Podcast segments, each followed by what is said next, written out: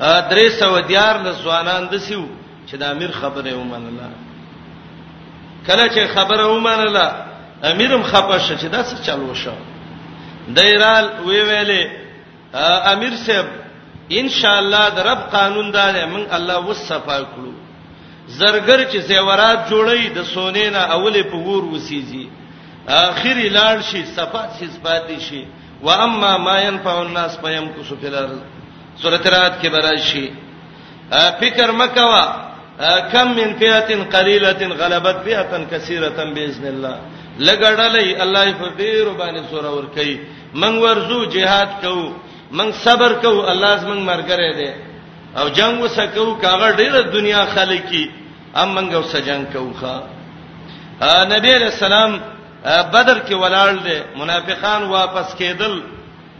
درې سو دیار له صحابه پاتې شو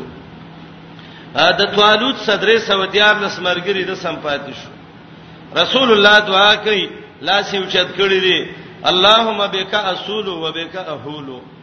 الله ستاپنم حمله کوم الله ستاپنم به به واپس کېږم و بک اقاتل الله ستاپنم جنگ کوم دا دعای کوله صادرې د وګینه وګرځیدو او نبی علی السلام ویلی ربا دا لګ مسلمانان می پیدا کړی دي الله که هلاکه کې لم تعبد ابدا زمین عرب کې څوک بری بندگی ونکي صادری د وګې نه وغورځید ابو بکر وتوي رسول الله بس ته دا دعا مونږ لا کافی ده ان شاء الله دای چې راوته لګ مرګریو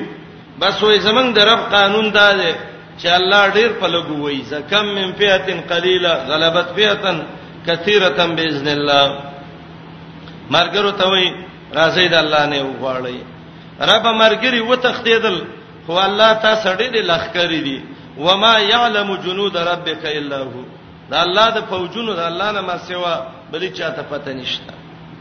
ربنا فرغ علينا صبر یو خو الله په من صبر راواچه الله به صبر نشو کبه صبر شو همت به وبېلو الله ذلیل به شو دویم الله یریګو الله خپم زمکه باندې نټینګيږي وثبت اقدامنا الله قدمونه مضبوط کړه ربا بدر کې صحابه ود شو شیطان په احتلام وکړ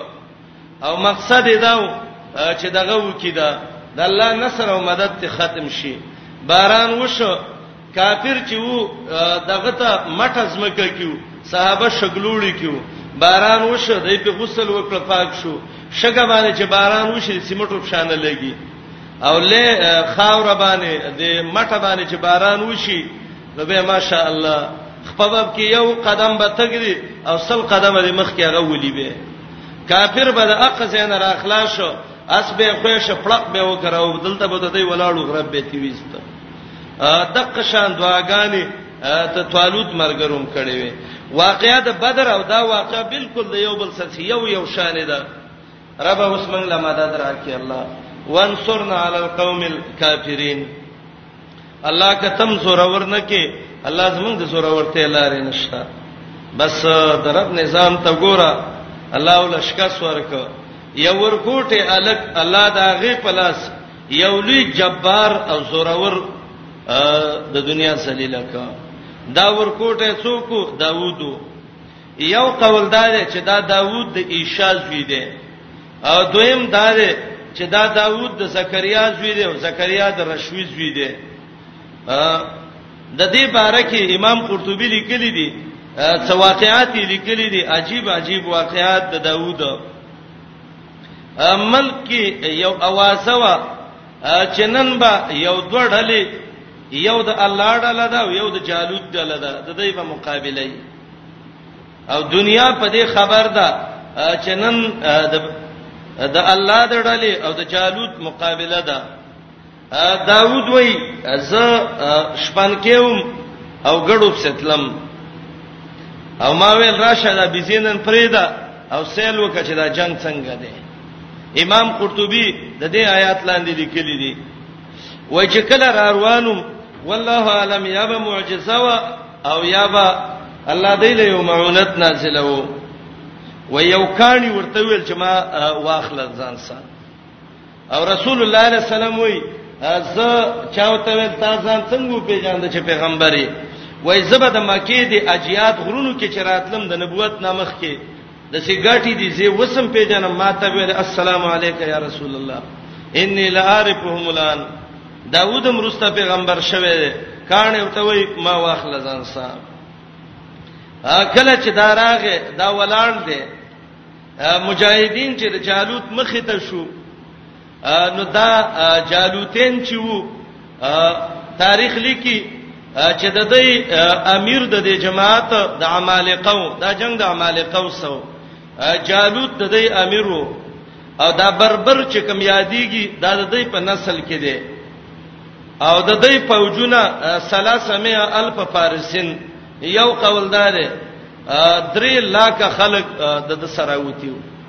دویم د اکرامه قول له چې 90 الف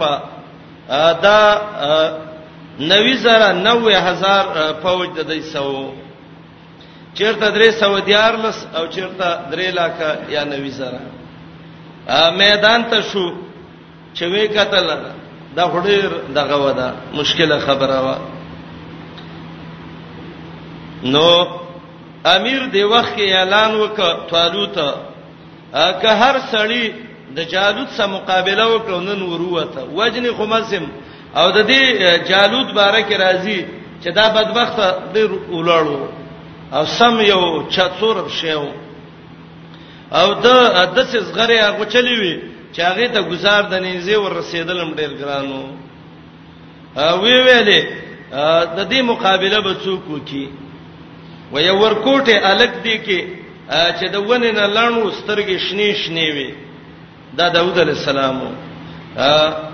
بعض خلک دا وایي چې سترګې شنې وي دا خوشی دا چې غلطه خبره ده بې بنیاده خبره ده سترګې د داوود شنې وي د رنگ نه وړو کې دغه او د غنم رنگ یو د ونې نه لانو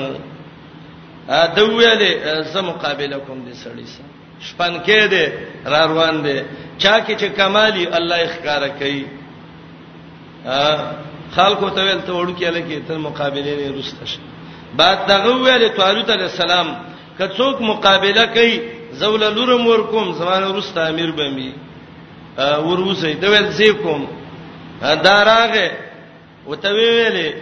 امام قرطبي واقع لیکل والله عالم حدیثو عن بنی اسرائیل ولا حرج د حدیث په بنا یې ویم وتوی ویلې ته مقابله کې ویاو وای تا کې څه کمال دی وای مال الله قوت را کړی دی جنگ وخت کې بخپل قوت خې هغه ول ستاسو قوت څه علامې دي وای ما سره جون کې دوه کار شوې دي یو کار دا شوه دی چې زما یو ځل بيزي می ساتلې او یو شرمخ زما په ګړو را بيزو را واوخته او بيزي خله کې وا او نه پرې خدا او ما کانه را واغسته ګټه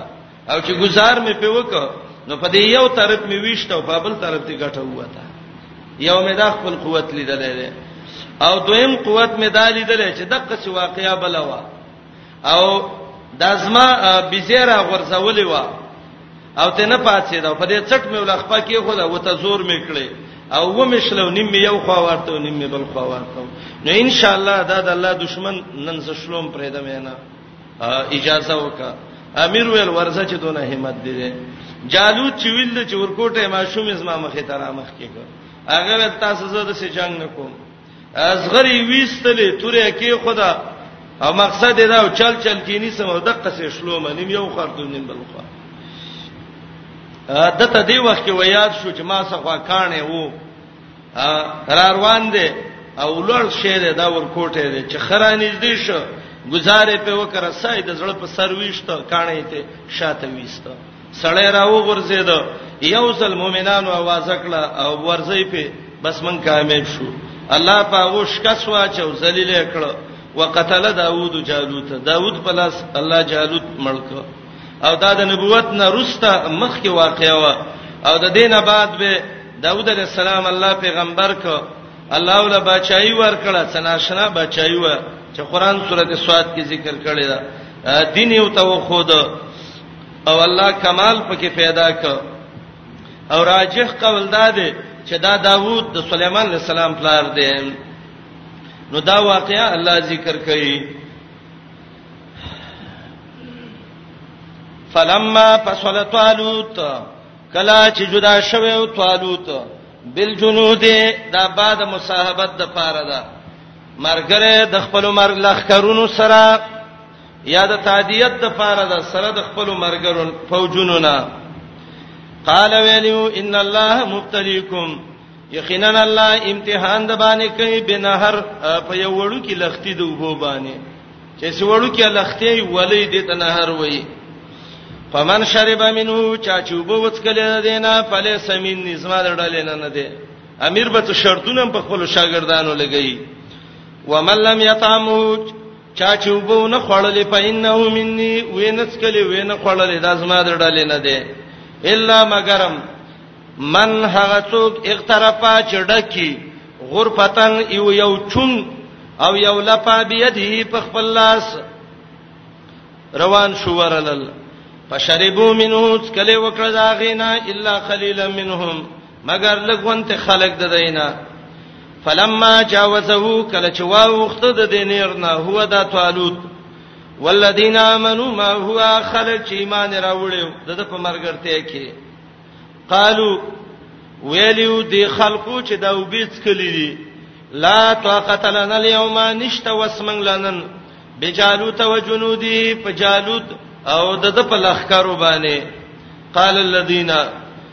ویلی وا خلکو یظنون چې یقین کو انهم ملاق الله چې دوی د مخامخ کیدون کې د الله سره د الله مخله به ورزو سی ویلو خپکیږي ما کم من پیاتن قلیلتن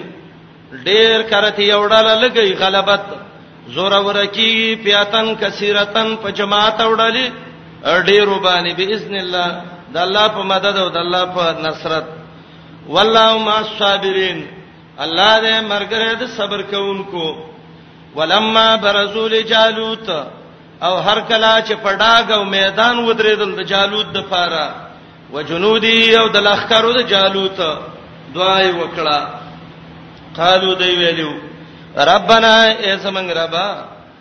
افرغ علینا راواله فمن صبرن صبر الله د صبر کاسه را باندې راواله وثبت اقدامنا مضبوط کې الله زمون قدمونه الله خپې مضبوطی کې یې را چې را شیخ کار نه کوي وانصرنا رب غلبرا کې علی القوم الکافرین په مقابله د قوم کافر کې فهزموم شکست ورکړو باذن الله د الله په اجازه وقتل داوود وجلو داوود علی السلام جالوت جالوت کافر لا واتاه الله الملک او به ورکړی والله د تعال ملک بادشاہي ول حکما او پویا پیغمبري او دای ول د طالوت نه رسته ورکړی و وعلمه خود له وتم ما د اغسنه یشا چې خوخه شي بنی اسرائیل 55 کې براشي چې دا ته د کتاب علم الله خو دلو انبیا اتیا کې براشي سبا لسم نمل شپالسم کې دا جهاد الله ولی فرض کړی دی حکمت د فرضیت د قتال ولولا دف الله کنوې د پکول د الله الناس خلق کافر ولا بعضهم بعض د کافر ولا به بعضن فبعض مؤمنانو کله دا کافر په مؤمنانو نه د پکولې عبد الله ابن عباس وی لولا دف اهل الشرك بالجهاد کنوې د پکول د مشرکانو په جهاد د مجاهدینو باندې لفسدت الارض خامخ ازمکه کې به فساد راغلی وي نظام د ازمکه به خراب شوی وي ولکن الله ذو فضل علی العالمین لیکن الله خاوند ډېر مهرباني دی په مخلوق او دا فساد وګوري قران کې اګه دا جهاد د مجاهدینو نه وي فسادونه وګوري سورته حج وګوري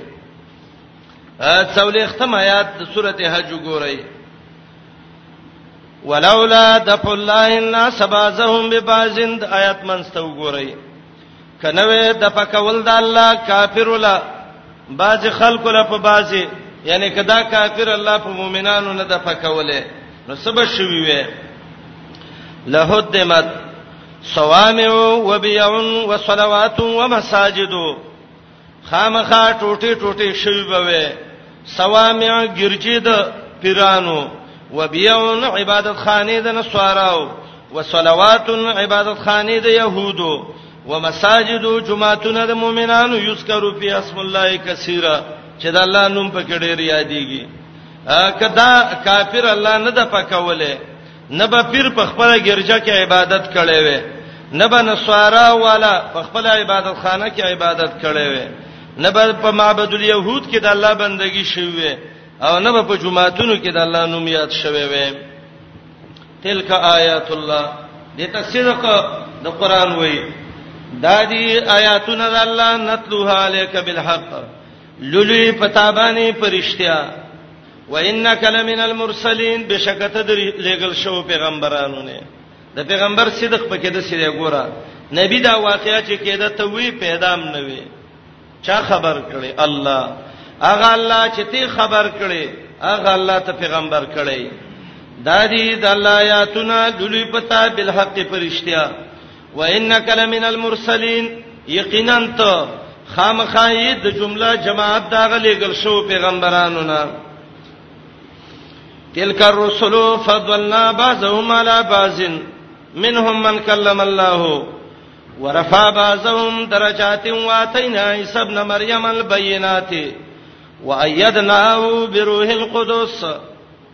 دا تلکه کې اشاره ده دغه مخکینی جمله ته وانک لمن المرسلین اے محمد رسول الله صلی الله علیه وسلم الله ډېر پیغمبران را لېګلیو تم دا غي د جماعت نه یوي دا پیغمبران چې الله را لېګلیو الله بازي په بازو غره کړیو د چا درجه او چته د چا درجه کما زنه دسیو چې الله اوس خبرې کړې وي زنه دسیو چې الله ولا روح القدس صد دې تایید کړو دغه پیغمبران الله را لېګلی الله کامیاب کړي تم الله را ولېګل الله دې کامیابې تلک الرسل ا دې آیات کې راځي پیغمبران بعضی په بعضو غوړه دي سورته بقره اخر کې براشي لا نفرق بین احد من الرسل د پیغمبرانو مینس کې فرق نه کوو دلته وي غره دي الته وي فرق نه کوو د دې څه مقصد دی دلته وي غره دي حدیث کې راغلی صحیح حدیث دی لا تفضلوا بین الانبیاء پیغمبرانو کې غرواله مسابته وي ولا تفضلوني علی الانبیاء ما په نورو پیغمبرانو مغوره کوي بل حدیث کې دی لا تخیروا بین الانبیاء د سمو و چې دا پیغمبر ډیر غوړه دی او دا کم غوړه دی لا تفضلونی علی یونس ابن متا ما په یونس مغوره کوي د دې څه مقصد دی قران وای غوړه دی بازي قران کې بل ځای کې وایي فرق بینه کې محمد رسول الله وایي ورواله بینه کې نه تناقض الا راځي چې موضوع وي دلته هم موضوع مختلف دی ا دوه قسمه فرقونه دي یو د څه فرق دی چې هغه فرق په وسپ رساله دی دا پیغمبر منم او دا نه منم نو لا نفرق بین احد د څه فرق باندې کې د سی فضیلت بنوي چې دا پیغمبر صحیح پیغمبر دی او دا بل صحیح نه دی دا پیغمبر غوره دی ځکه رښتینی پیغمبر دی او دا بل غوره نه دی ځکه رښتینی نه دی دا بنوي لا تفضلوا بین الانبیاء ولا تفضلونی علی الانبیاء او د سي فضیلت چې د دې درجه او چته ده او د دې کمزو کمه ده لګا دا به شته ده تلک الرسول فضلنا بعضهم على بعض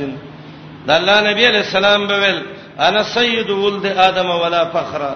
زه د بابا ادم بچو کې الله ټولو کې غوړه پیدا کړم د تکبر په وجه نه وم او الله را لوي دا درجه را کړې ده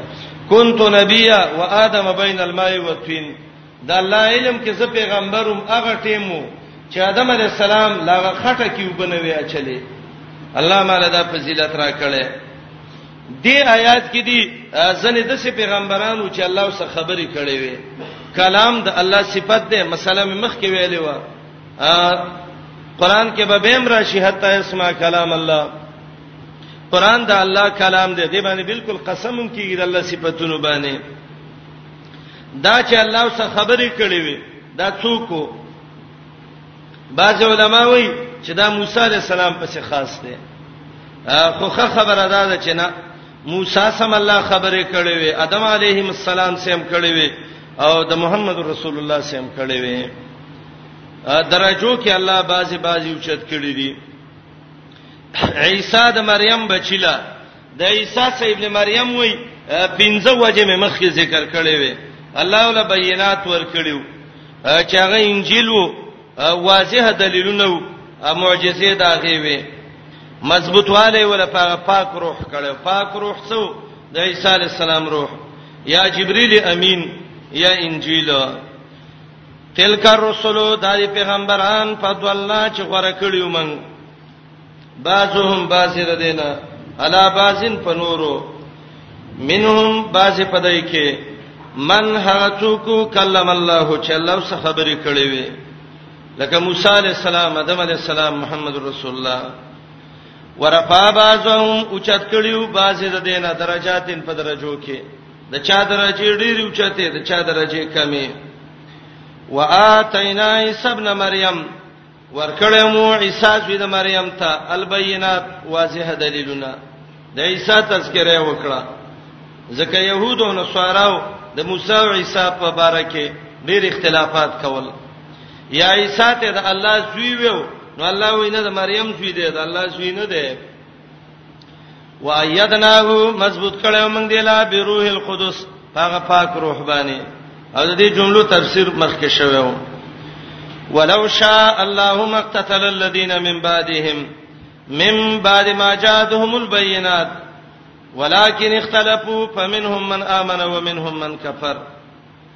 دلته لو شاء د دې مفعول مقدر دی او معنی دا ده لو شاء الله الا يقاتلوا کله رب خو خوي چې جنگ ونکي نو مقتل الذين جنگ به نه وکړي یا لو شاء الله يختلفوا کدا الله خوخوي اختلاف به نه وکړي لیکن دای اختلاف وک ولیکن اختلافو فمنهم من امن ومنهم من کفر ډیر خلک قران باندې پویږي نه وای دا څنګه قران دی چې الله وای کله غختل جنگ به نه وکړي الله جنگ نه کو په لیکن دای جنگ وک نو دا جنگ ولې الله دغه نه په خیر وکړه نه دا ما مخکې دا مسله تفصیلا ویلې و چې یو اراده تکوینی ده او یو اراده شرعی ده اراده شرعی هغه ده چې الله د بنده نه مراد کړی دی بنده دا کار وکا او اراده تکوینی هغه ده چې الله پیدا کړی دی لکه الله رب العالمین کوپرم پیدا کړی ایمان هم پیدا کړی دی اجازه هم ور کړی ده کله چا خوخه شي کوپر وکاو کله چا خوخه شي ایمان راوړه خو که کوپر دی وکه جهنم دی نو دلته شاء په معنی د رضا سند ده دا شاء په معنی د اراده تکوینی سند ده ولو شاء الله کده الله خوخوي اراده وي په اراده تکوینی سره نو جنگ به نه وکړي لیکن د اختلاف وک نو بس خلک ګړډلی شو او باج علماء وایي دا مشیت مشیت جبری ده مشیت جبری دا معنی که دنیا د اختیار زه نه وې او دا انسان مجبور وې او الله په زور غوښته چې جنگ به نه کوي نو نه به وکړي خو رب العالمین وته ویلي زه په تاسو له اختیار در کوم مجبور کوم هم نه دا د کوپر لار ده دا د بيدینۍ ده زما خو خدار جنگ مکوي نور ستاسو اختیار دی کې کوي او کې نه کوي نو دا مشیت جبری دی یا مشیت په معنی د رضا سند دی بلکې مشیت په معنی د اراده تکوینی سره دی عثمانه وکړي ولو شاء الله ک اراده کړی وی الله یا که په زور غوخته الله مختتل الذین جنگ بنوي کړه خلکو من بعدهم چې د پیغمبرانو وروسته راغلیو او من بعد ما جاءتهم البينات رسته دا غنا چې راغلیو د لوازه دلیلونه ولکن اختلافو لیکن اختلاف وکړه نو چې اختلاف وکړو نو څه شو پمنهم من امنه بعضی کې مؤمنان شو د سیو پکې چې ایمان راوړیو ومنهم من کفر بعض د سیو چې کفر یو اولو شاء الله کله په زور غوخته او دا دنیا د اختیار زینه وینو مقتتلو دی به جنگ نه وکړي خو ویک ولکن الله یفعل ما یرید الله کوي څه چې دی څه چې د الله اراده ای دا جمله مخکیم ذکر کړه ولو شاء الله مقتتل الذین بیرامات ک ولو شاء الله مقتتلوا یا خو تکرار د ډیر تاکید د پاره وکړه او رد یې کې وکړه په هغه خلکو باندې چې هغه منکرین د تقدیر دي یا اولنې ولو شاء الله مقتتل الذین اولنې کې قتال د هغه مؤمنانو چې د مخکینو امتونو او د رستنی کې قتال د دې امت د مؤمنانو دی یا په اولنې کې سبب شرعي د قتالو چې هغه دې کې دوباره را مات کړي دي چې هغه کې مشیت ولو شاء الله مقتتل الذين من بعدهم من بعد ما جاءتهم البينات او دې کې د الله اراده صفته ولو شاء الله کلا فزور غخته مقتتلو جنگ به نه وکړي لیکن الله کایما یرید چې وغواړي رب چې څو غواړي الله غ کوي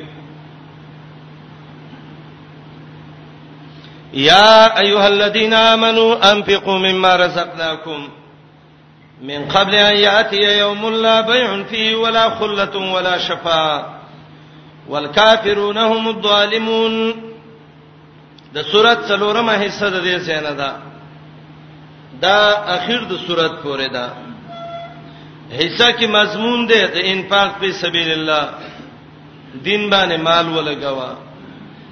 دین دنا بدنی او مالی دواړه قرباني غواړي کته چیرته بدنی قرباني ورکه او مالی نه ورکه وسدي بهم کامل مؤمن نشي کېدلې او دا حصہ څلور باب ده اولنې باب 280 پورې ده مثل الذين ينفقون اموالهم في سبيل الله او باب کې دعوه د انفاق ذکر کړي یا ایه الذین آمنو انفقوا دعوه د توحید را مات کړي دا دریم څه ده لس دلائل الله لا اله الا هو الحي القيوم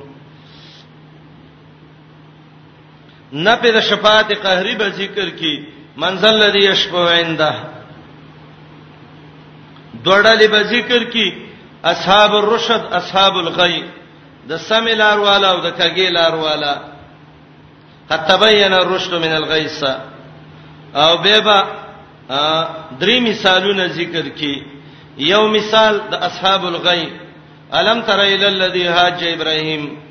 او دو مثال د اصحاب الرشد او کلذي مر على قريه يو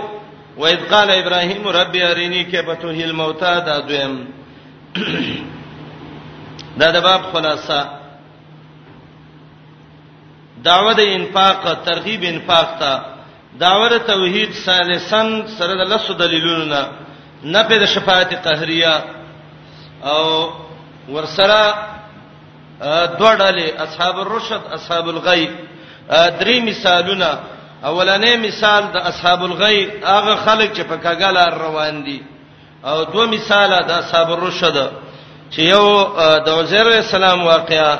او دویمه د ابراهیم علی السلام واقعا الله ډیر په نرم الفاظ باندې ترغیب ور کوي ایماندارو مال خرج کوي د څه ورځ را روانه ده خرڅول به کې نه وي به ذکر کړه شرای ذکر نه کړه ځکه چې خرڅول نه یغسل خو خپل نه اینو یو شی ته خرڅی نه ته سواله اغسل خرڅول بنئ دوستانه به فائدہ نه ور کوي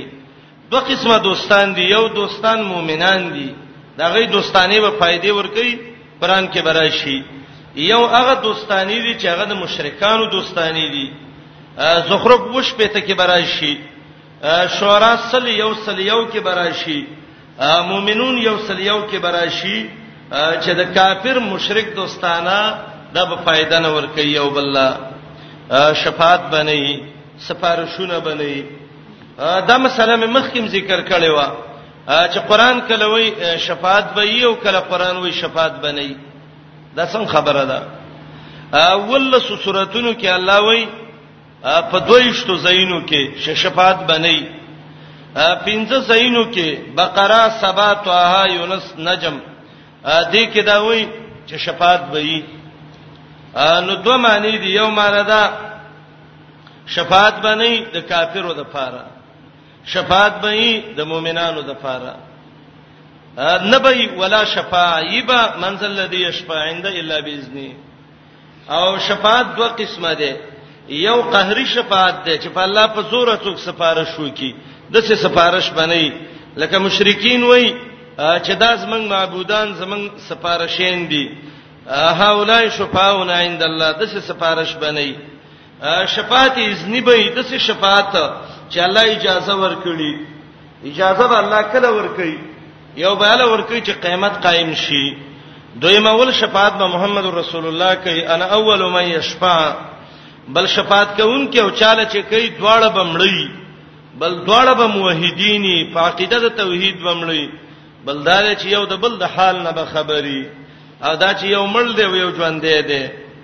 او یو د بل د حال نه خبر نه دی قیامت قائم نه دی محمد رسول الله شفاعت نه دی کړي او دا ورشي د قبر شناخت او ته وای زما سفارش وکا او وای دا منګه څوک چې وای یو بچا لزین وکیل نه وی ولا دا چې وای د څه شفاعتونه نشته ده غلطه خبره ده ولا شفاعت شفاعت بنئ والکافرون هم الظالمون او غلس قسمه شفاعت چې صدر الدین ابن ابي العز حنفي ذکر کړو او د دې وضاحت ما مخ کې کړو او ولا يقبل منها شفاعه واتقوا يوما دغه دغه کې دا آیات کې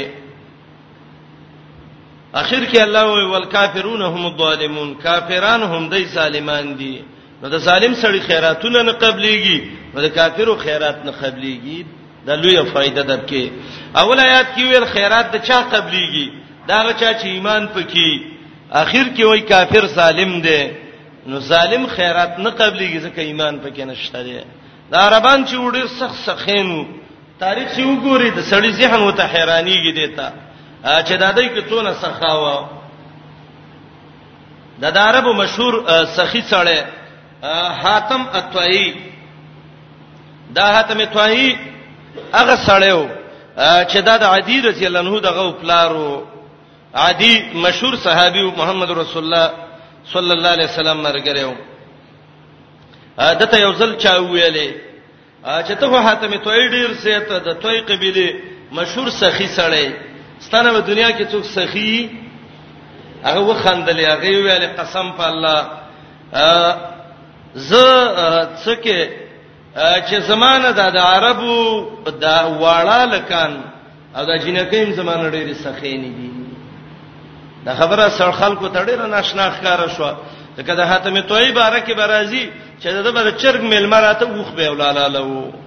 د څه سخی سره و ډېر مشهور سخی حاتم اتوي مشهور تاسو به ویلي جود حاتم الطی نو به ته چا ول څنګه عجیب خبره دی وکړه به د عبرت واقعیت البدای کې امام ابن کثیر راوړی دا دا وایي چې یوزل صحرا ته وته ما او دا خو نه وای کنه یو شی لګا دا غونډي لګ راځي ښا یو شی لګا طالب جان دا د څه دا د زنګران ته د لاس څوک چې دا به خوب ته اعتکاف تړلی امام ابن کثیر البدایه کې لیکلی دی د دې په باره کې وای دی وای چې یوسف صحرا ته وتلې ومه استم شپرا لار کې رسیدم نشومه چې ګورم یو غریب ونته کور ښکارا کیږي دی لورلم چې ورلم ګورم یو وړو کې الک راوته چې لا بلوغ ته نه دی رسیدلې چې مراهق حال کې دی وای ما ورته ویل چې بچي ستاپلار څه شو وای دا جړغونه شپ جړا شو وای ما ته ویل چې زما پلار مړ شوی دی یتیمه ما وای ما ته ویل چې دلته څه څوک دی وای راته ویل چې وړي وړي خويندې مې دي ورونه مې دي یو مې مور ده یو سره نه مې ده یو زیما وای ما چې د صحرا کې د شړو دشتو کې څه کوي وای ویل چې زمنګ ډیر رسیلان قومو چې هغه کې څوک غریب شي نو وخت نه تیریږي د غریب سړی زمنګ په قوم کې ټیم نه تیرید نو موږ غریبای راوستیو او د شړو دشتو کېو وای ما ورته ویل کې یو ملمه راشي او تاسو شپه کې نو تاسو ملمستوب شپه ور کوي وای هغه راته ویل چې دا خو زمنګ ډیر خوشاله موقع چې زمنګ لا ملمه راشي وای ما چې زم مل مې مو ویل چې په اهلن بکا د سی حساب کله کدا چې خپل کوری وای ما خام چې شر سي مازیګر ټیم شو وای ما ته ویل چې کاکا کینه دالک لاړ وای چې راغې چې ګورم مازغي پخ کړی دي ادای را لمخه تکي خدل وای چې کاکا دا وخره و چې و مې خړ لږ خون تیرا وړي ډیر نو وای ما ویل چې دا دغه دی دا څنګه چل دی څه مزه و چې ډیر خو وای من سیدا چلاړو لک ساتو ش به راوړ ما خام پورې درې څلور چپی و چلاولې دسي ا وای سلام دې نو ساره پورې دا ما ته وای چې دا څنګه یو زویم چې دا ډیر خدي کلب کې د غوخي او بوټي هم پکې خي حتن ته سپلل شپنی می ته ورسېدله وای به ډوړی راوړ وې به ته ما ته پوښتنه وکړه چې دا دون ډیر مازه خو زمونږ دغه په مالونو کې نه وي تاسو څنګه چل وکړه د څنګه مال دلال کړی دی چې دون مازه غریب کې ویل کړه ته چې راشه سیل یو کما څنګه غټ مال لال کړی دی حاتم توئی وی چې سوار لما څه کم او یا غډان لال کړیو چې دا یو یو لبه ورته و چې دا ملما دا خوښ کړو چې د مازغه برخی وای زه څه حیران شوم چې لکه داس لیونه ما شوم دی لیونه لګ دی امورم لیونه دی ګوره غریبای نه راغلی دی د چل کوي نو به چاو ته ویل تاول څه بدله کې څه ور کړ کنه هغه ما به یا بدله کې څه لګي اړیر شي ور کړی ولا خو زه دا غوي وزن شم خلاصولې ولی کزی ولا ور کما ما ول څه ور کړ خو سل وخه مې ولا ور کړې به په انعام کې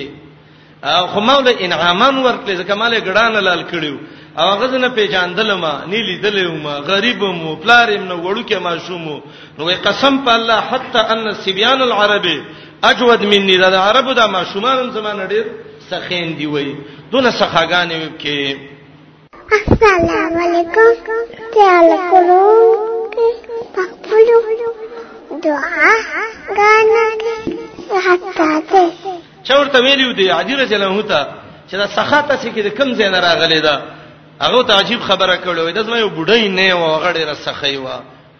او داغه واقعي امام ابن کثیر البدایه کې ذکر کړی دا وای کله چې د حاتم طایی مور دغه شو دا واده شو دا د یو ډیر سخا کورنۍ والا خزوا نو چراله چې چا به مسكين به څو غوښته استور کوله به دا د کور والا لک کنجوسی وکړه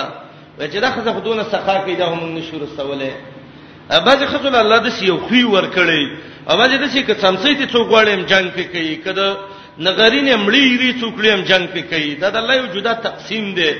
چې رب العالمین یو ور کوي چاله نو حاتم توئی وی وای زما د انیا مور نه ونه و امام ابن کثیر البدایه و نهایه کې وای وای دا خاوند او د اسخری او دا د خاون ورونه دی راجم شو اول چې دا خزه خو مونږه نستې تکې نه څه چل به پیو کو وای راځي د سبو کو یو کمره کې به بند کو چې د دې د خوې بدل شي یو کال یو مسکینه په یو کمره کې بند وساتله او کله چې کال بعد شو نوراوی استلا دا ډېر خفوا نو به ودا یو بټو ورکړو درې سره دینار په کې خودل او دا دې لپاره خودل پکې چې آیا دا خزې د خوې بدل شوه دی او کني دی دا نه څور سنور ته ځکه کال سړی نور ویني ني نو چې ناستوا نو یو مسکین رااله او ته ویلې زه مسکین یم بچی می واړه دی او غریب یم مصیبت زنه ما ما باندې رحم وکړه ترا کراله هغه چې تلاسته غدرې سره واړه دینار ولا ور کړو هغه ته وی ډیره دراکله هغه ما یو کال خپل سخت ایلدلې ده چې د بل مسكين سخت وینه مخبل را یاد شي د دې خلکو فطرت کې دا سخا پرتی وي عبد الله ابن جدعان چې د عربو مشهور سخی دی ابن کثیر قصه عبد الله ابن جدعان عنوان باندې ذکر کړی دا امام ابن کثیر البدایه کې دا د څه سړیو دا وې زدونه غریب شوم وګدا واقعې ده وای ما چې ته یو غار تلاړ شم است سماران ماران می وخري او ختم شم الله مالدار کته خزانه ول ورکړه او دونه مالدار شوه او دونه سخیو ده چې اجین به څونه لاړ نو ټول اجین به د عبد الله ابن جدعان ملمانه وو او کم کال باندې چې دا مړ کېده دوی وکاسه تیار کړی و چې هغه ته به زر خوراک کوونکي کېناستل دا صحیح روایت ده د امام مسلم راوړی دی نبی رسول الله یې شام ته تلوم او الته یو کاسه و چې داغه د لاندې په سونو خلک یې سوري تناسو وای زم کې ناستم وای ما ته پوښتنه وکړه چې دا څنګه غټه کاسه ده وای خلکو راته ویلې هذه قصه عبد الله ابن جدعان دا د عبد الله بن جدعان کا صدا اخراتونه چې وب کې ور کول او کله چې اخیره حج کوو نو د لسر وخان د شام او د یمن نه را بار کړیو چې هغه کې ستوانو هغه کې پنیرونو او هغه کې غوړیو او هغه کې غبینونو او هغه کې نور خوراکونو او د بیت الله دروازې ته وخته ویل چې ټول اجینو ټول د عبد الله بن جدعان ملمانی وایي عائشه رضی الله عنها وی صحیح مسلم کې یو روایت ده وای ما ته پوسو ک ایم فعه ذالک یا رسول الله د الله نبی عبد الله ابن جدعان له بدا پیدا ورکی چې دا دونه خیراتونه کول وای ما ته وی چې هیڅ پیدا ولنه ورکی ما قال فی یوم من الايام رب اغفر لي یو ورځ کې د سیند ویل چې الله ما ته بخنه وکي کوپر کې مړ شوې دي نو الله دا ځکه وی چې کافران سالمان دي ظالم په دې چې خیرات مو کې او خیرات قبول نشي اول کې ویا ایه الذین امنو که خیرات قبل ایمان ځان کې پیدا کا او کته د سړي خیراتونه او کې ایمان دب کې نه ول کافرون هم الظالمون دا فائدہ ولنه ور کوي عطا ابن دینار چې دا ډیر خ نیک سړی دی د یو ځل د قران تلاوت کو دی یا تر ورسېده والکافرون هم الظالمون نو دا وی ویل الحمدلله الله الحمد دې شکر دې چې الله د سینې دی ویل چې وظالمون هم الکافرون چې چا ظلم وکبه کافری ځکه مونږ کې کم یو د سره چې ظلمونه هم نه دي کړی الحمدلله الذی لم یقل الله الحمد دې چې د سینې دی ویل چې وظالمون هم الکافرون مضمون ذکر کوي د انفاق په سبیل الله خیرات بکې د خیرات طریقه به یاد کړي اول شرط د خیرات دا چې ایمان بده کیه ایه الذین آمنون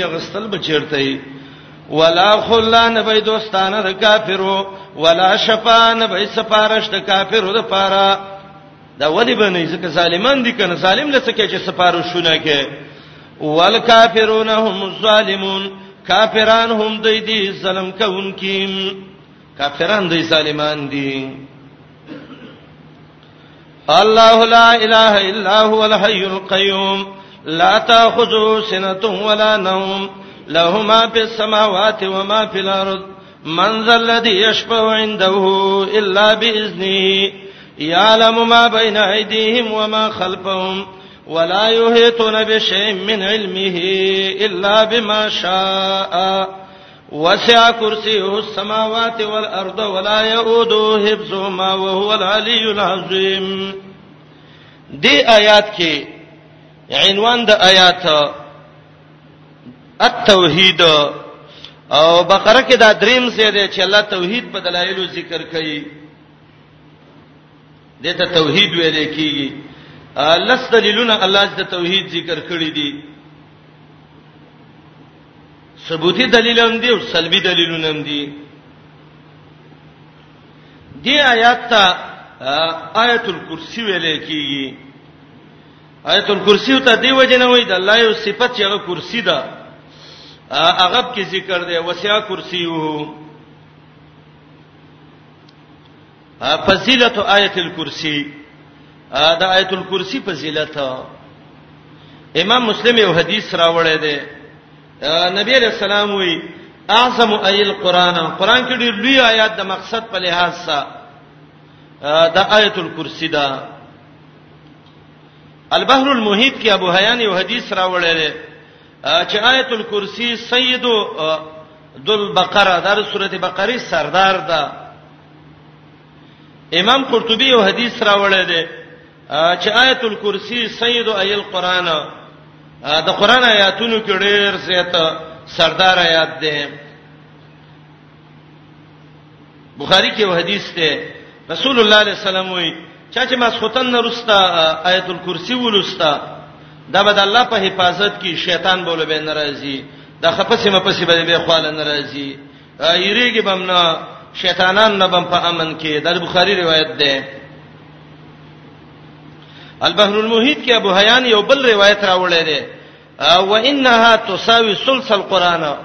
دا د قران د دریمه حصے سره په ثواب کې برابر صورت ده او دې آیات کې 50 کلمې دي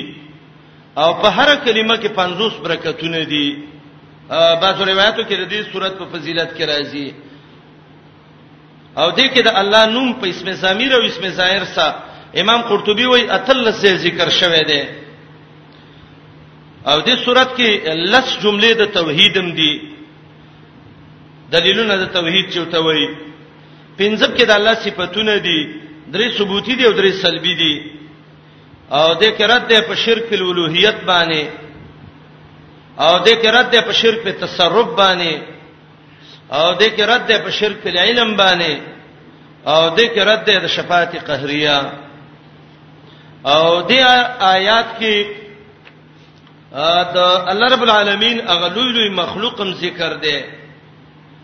او د کې د الله غلوی علمم ذکر ده د الله عظمت او کبریام په کې ذکر ده عجیب آیات ده ماشاءالله نور روایتونه هم راغلي دي خو هغه کې بعضو کې کلام دی ابی ابن کعب رضی الله عنه نبی علیہ السلام ویل ابی ابن کعب ایو آیت اعظم معک فی کتاب الله قران کې د د مقصد په لحاظ سلوی آیات ته کم یو معلوم دی ابي ابن كعب وتو يا رسول الله الله لا اله الا هو الحي القيوم اعظم ايه في كتاب الله قران کې دا د مقصد له سړی لوی آیات ده محمد رسول الله لپاره لاس باندې دا وروند سیو یاد دی ول مینس کې او ته ویلې ليحنک العلم ابو المنذر ابو منذر د علم د مبارک شته خو ناشنا قرآنی علم حاصل کړی دی د عمر رضی الله چې دا هغه مقابله و ما مخ کې ویلې و ته پوښتنه قرآن کې اعظم آیتین کم دی وای آیت الکرسی الله لا اله الا هو الحي القيوم دا لا نمونه دی کې وګورئ الله یو الحي القيوم دا د الله رب العالمین نمونه دي دغه کې ګورای وتا اسماء د الله لهما فی السماوات و ما فی الارض ورپسې من یعلم ما بین ایدیهم دا بل دلیل دی ولا یحیتون بشیء من علمه دا بل دلیل وسع کرسی السماوات دا بل دلیل ولا یعود حفظهما دا بل دلیل العلی بل دلیل العظیم بل دلیل د دلیلونو ته ګورئ الحي القيوم یو دلیل لا تاخذو سنه ولا نوم دا دویم دلیل لهما فی السماوات و ما فی الارض دا دریم دلیل او دا اصل کې لا اله الا هو یو الحي دوا القيوم درې لا تاخذو سنتون ولا نوم دا څلورم و یا مدریم شو له ما په سماوات او ما په الارض دا څلورم دلیل یعلم ما بین ایدیهم و ما خلفهم دا پنځم دلیل ولا یحیتون بشیء من علمه دا شپږم دلیل وسع کرسی او سماوات دا وم دلیل ولا يعود حفظهما دا تم دلیل العلی دا نهم دلیل العظیم دا لسم دلیل لس دلایل د الله په وحدانیت باندې د الله نمونه وګورئ په اعتبار د اسم ظاهر او اسم ضمیر سره یو الله ظاهر سره دویم هو ضمیر سره دریم الحی ظاهر سره سلورم القیوم پنځم لا تاخذوه ضمیر الله تراجه ده شپږم د له زمير دی اوم عنده زمير الله تراجه دی او اتم الا باذنه کې زمير الله تراجه دی او نه هم يعلمو کې الله ته زمير راجه دی او لسم علمه کې زمير الله تراجه دی ایو لسم مشاع کې زمير الله تراجه دی او دولسم کرسی هو زمير الله تراجه دی او دیار لسم یعود هو زمير الله تراجه دی او څوار لسم هوا او پنځل لسم العلی او شپارسم العظیم بعض علما وایي دا شپارس دي دي کې او بعض علما منزل لذي کې دغه ولسمی صاحب کړي دي من ذا الذي يشفع عنده نو دا ولس یا تلس د الله نمونه دي کې په اعتبار د اسم ضمیر او په اعتبار د څه شی باندې د اسم ظاهر باندې د حفاظت آیات آیت الکرسی ده آیت الکرسی وای ځان باندې د سپو د ساتلو نه بم خلاصې ان شاء الله څوکیداران نه باندې الله خلاص کی څنګه چې څوکیدار د تخپل غل نشي او کار دل جوړ نه کی ز اسباب مستعمله وخو آیت الکرسی وای ځان په دموا ابو هرره جنو حدیث په مخ کې ویلو بیت المال کجورو ته ولاړم مال د بیت المال پروتو وای ما چې راځه پیرا بګم کې و نه پلم کوا وای دې مونږ چې مې کو کړه سا شو ګودام کې چوال مې سړې لګې او لګې ته سان لپان تړي ویمنه مو ته چې دا ستاسو نکې دي څه دي دا بیت المال لته خوري ویل چې یاره بس معافي وکه به بن راځم وای مال چې زه پرې مې خو دې زبیا ودرېدم بیا خلاص شو چې پام مې وکه هغه بیا را ولاړلې مې دا هډر به حیا غل دی و بیا ساری مینتونه کول پرې مې خدا دریم ځل چې بیا ودرېدم بیا ګورم بیا اشراقات شروع کړه شپې څه حصہ کې راغلو وای و مینه وای ما چې نبی علی السلام ته پیش کوم چې دا لاس نه کټ کې چې به چرته ته دغه نه کې د غلا نه کې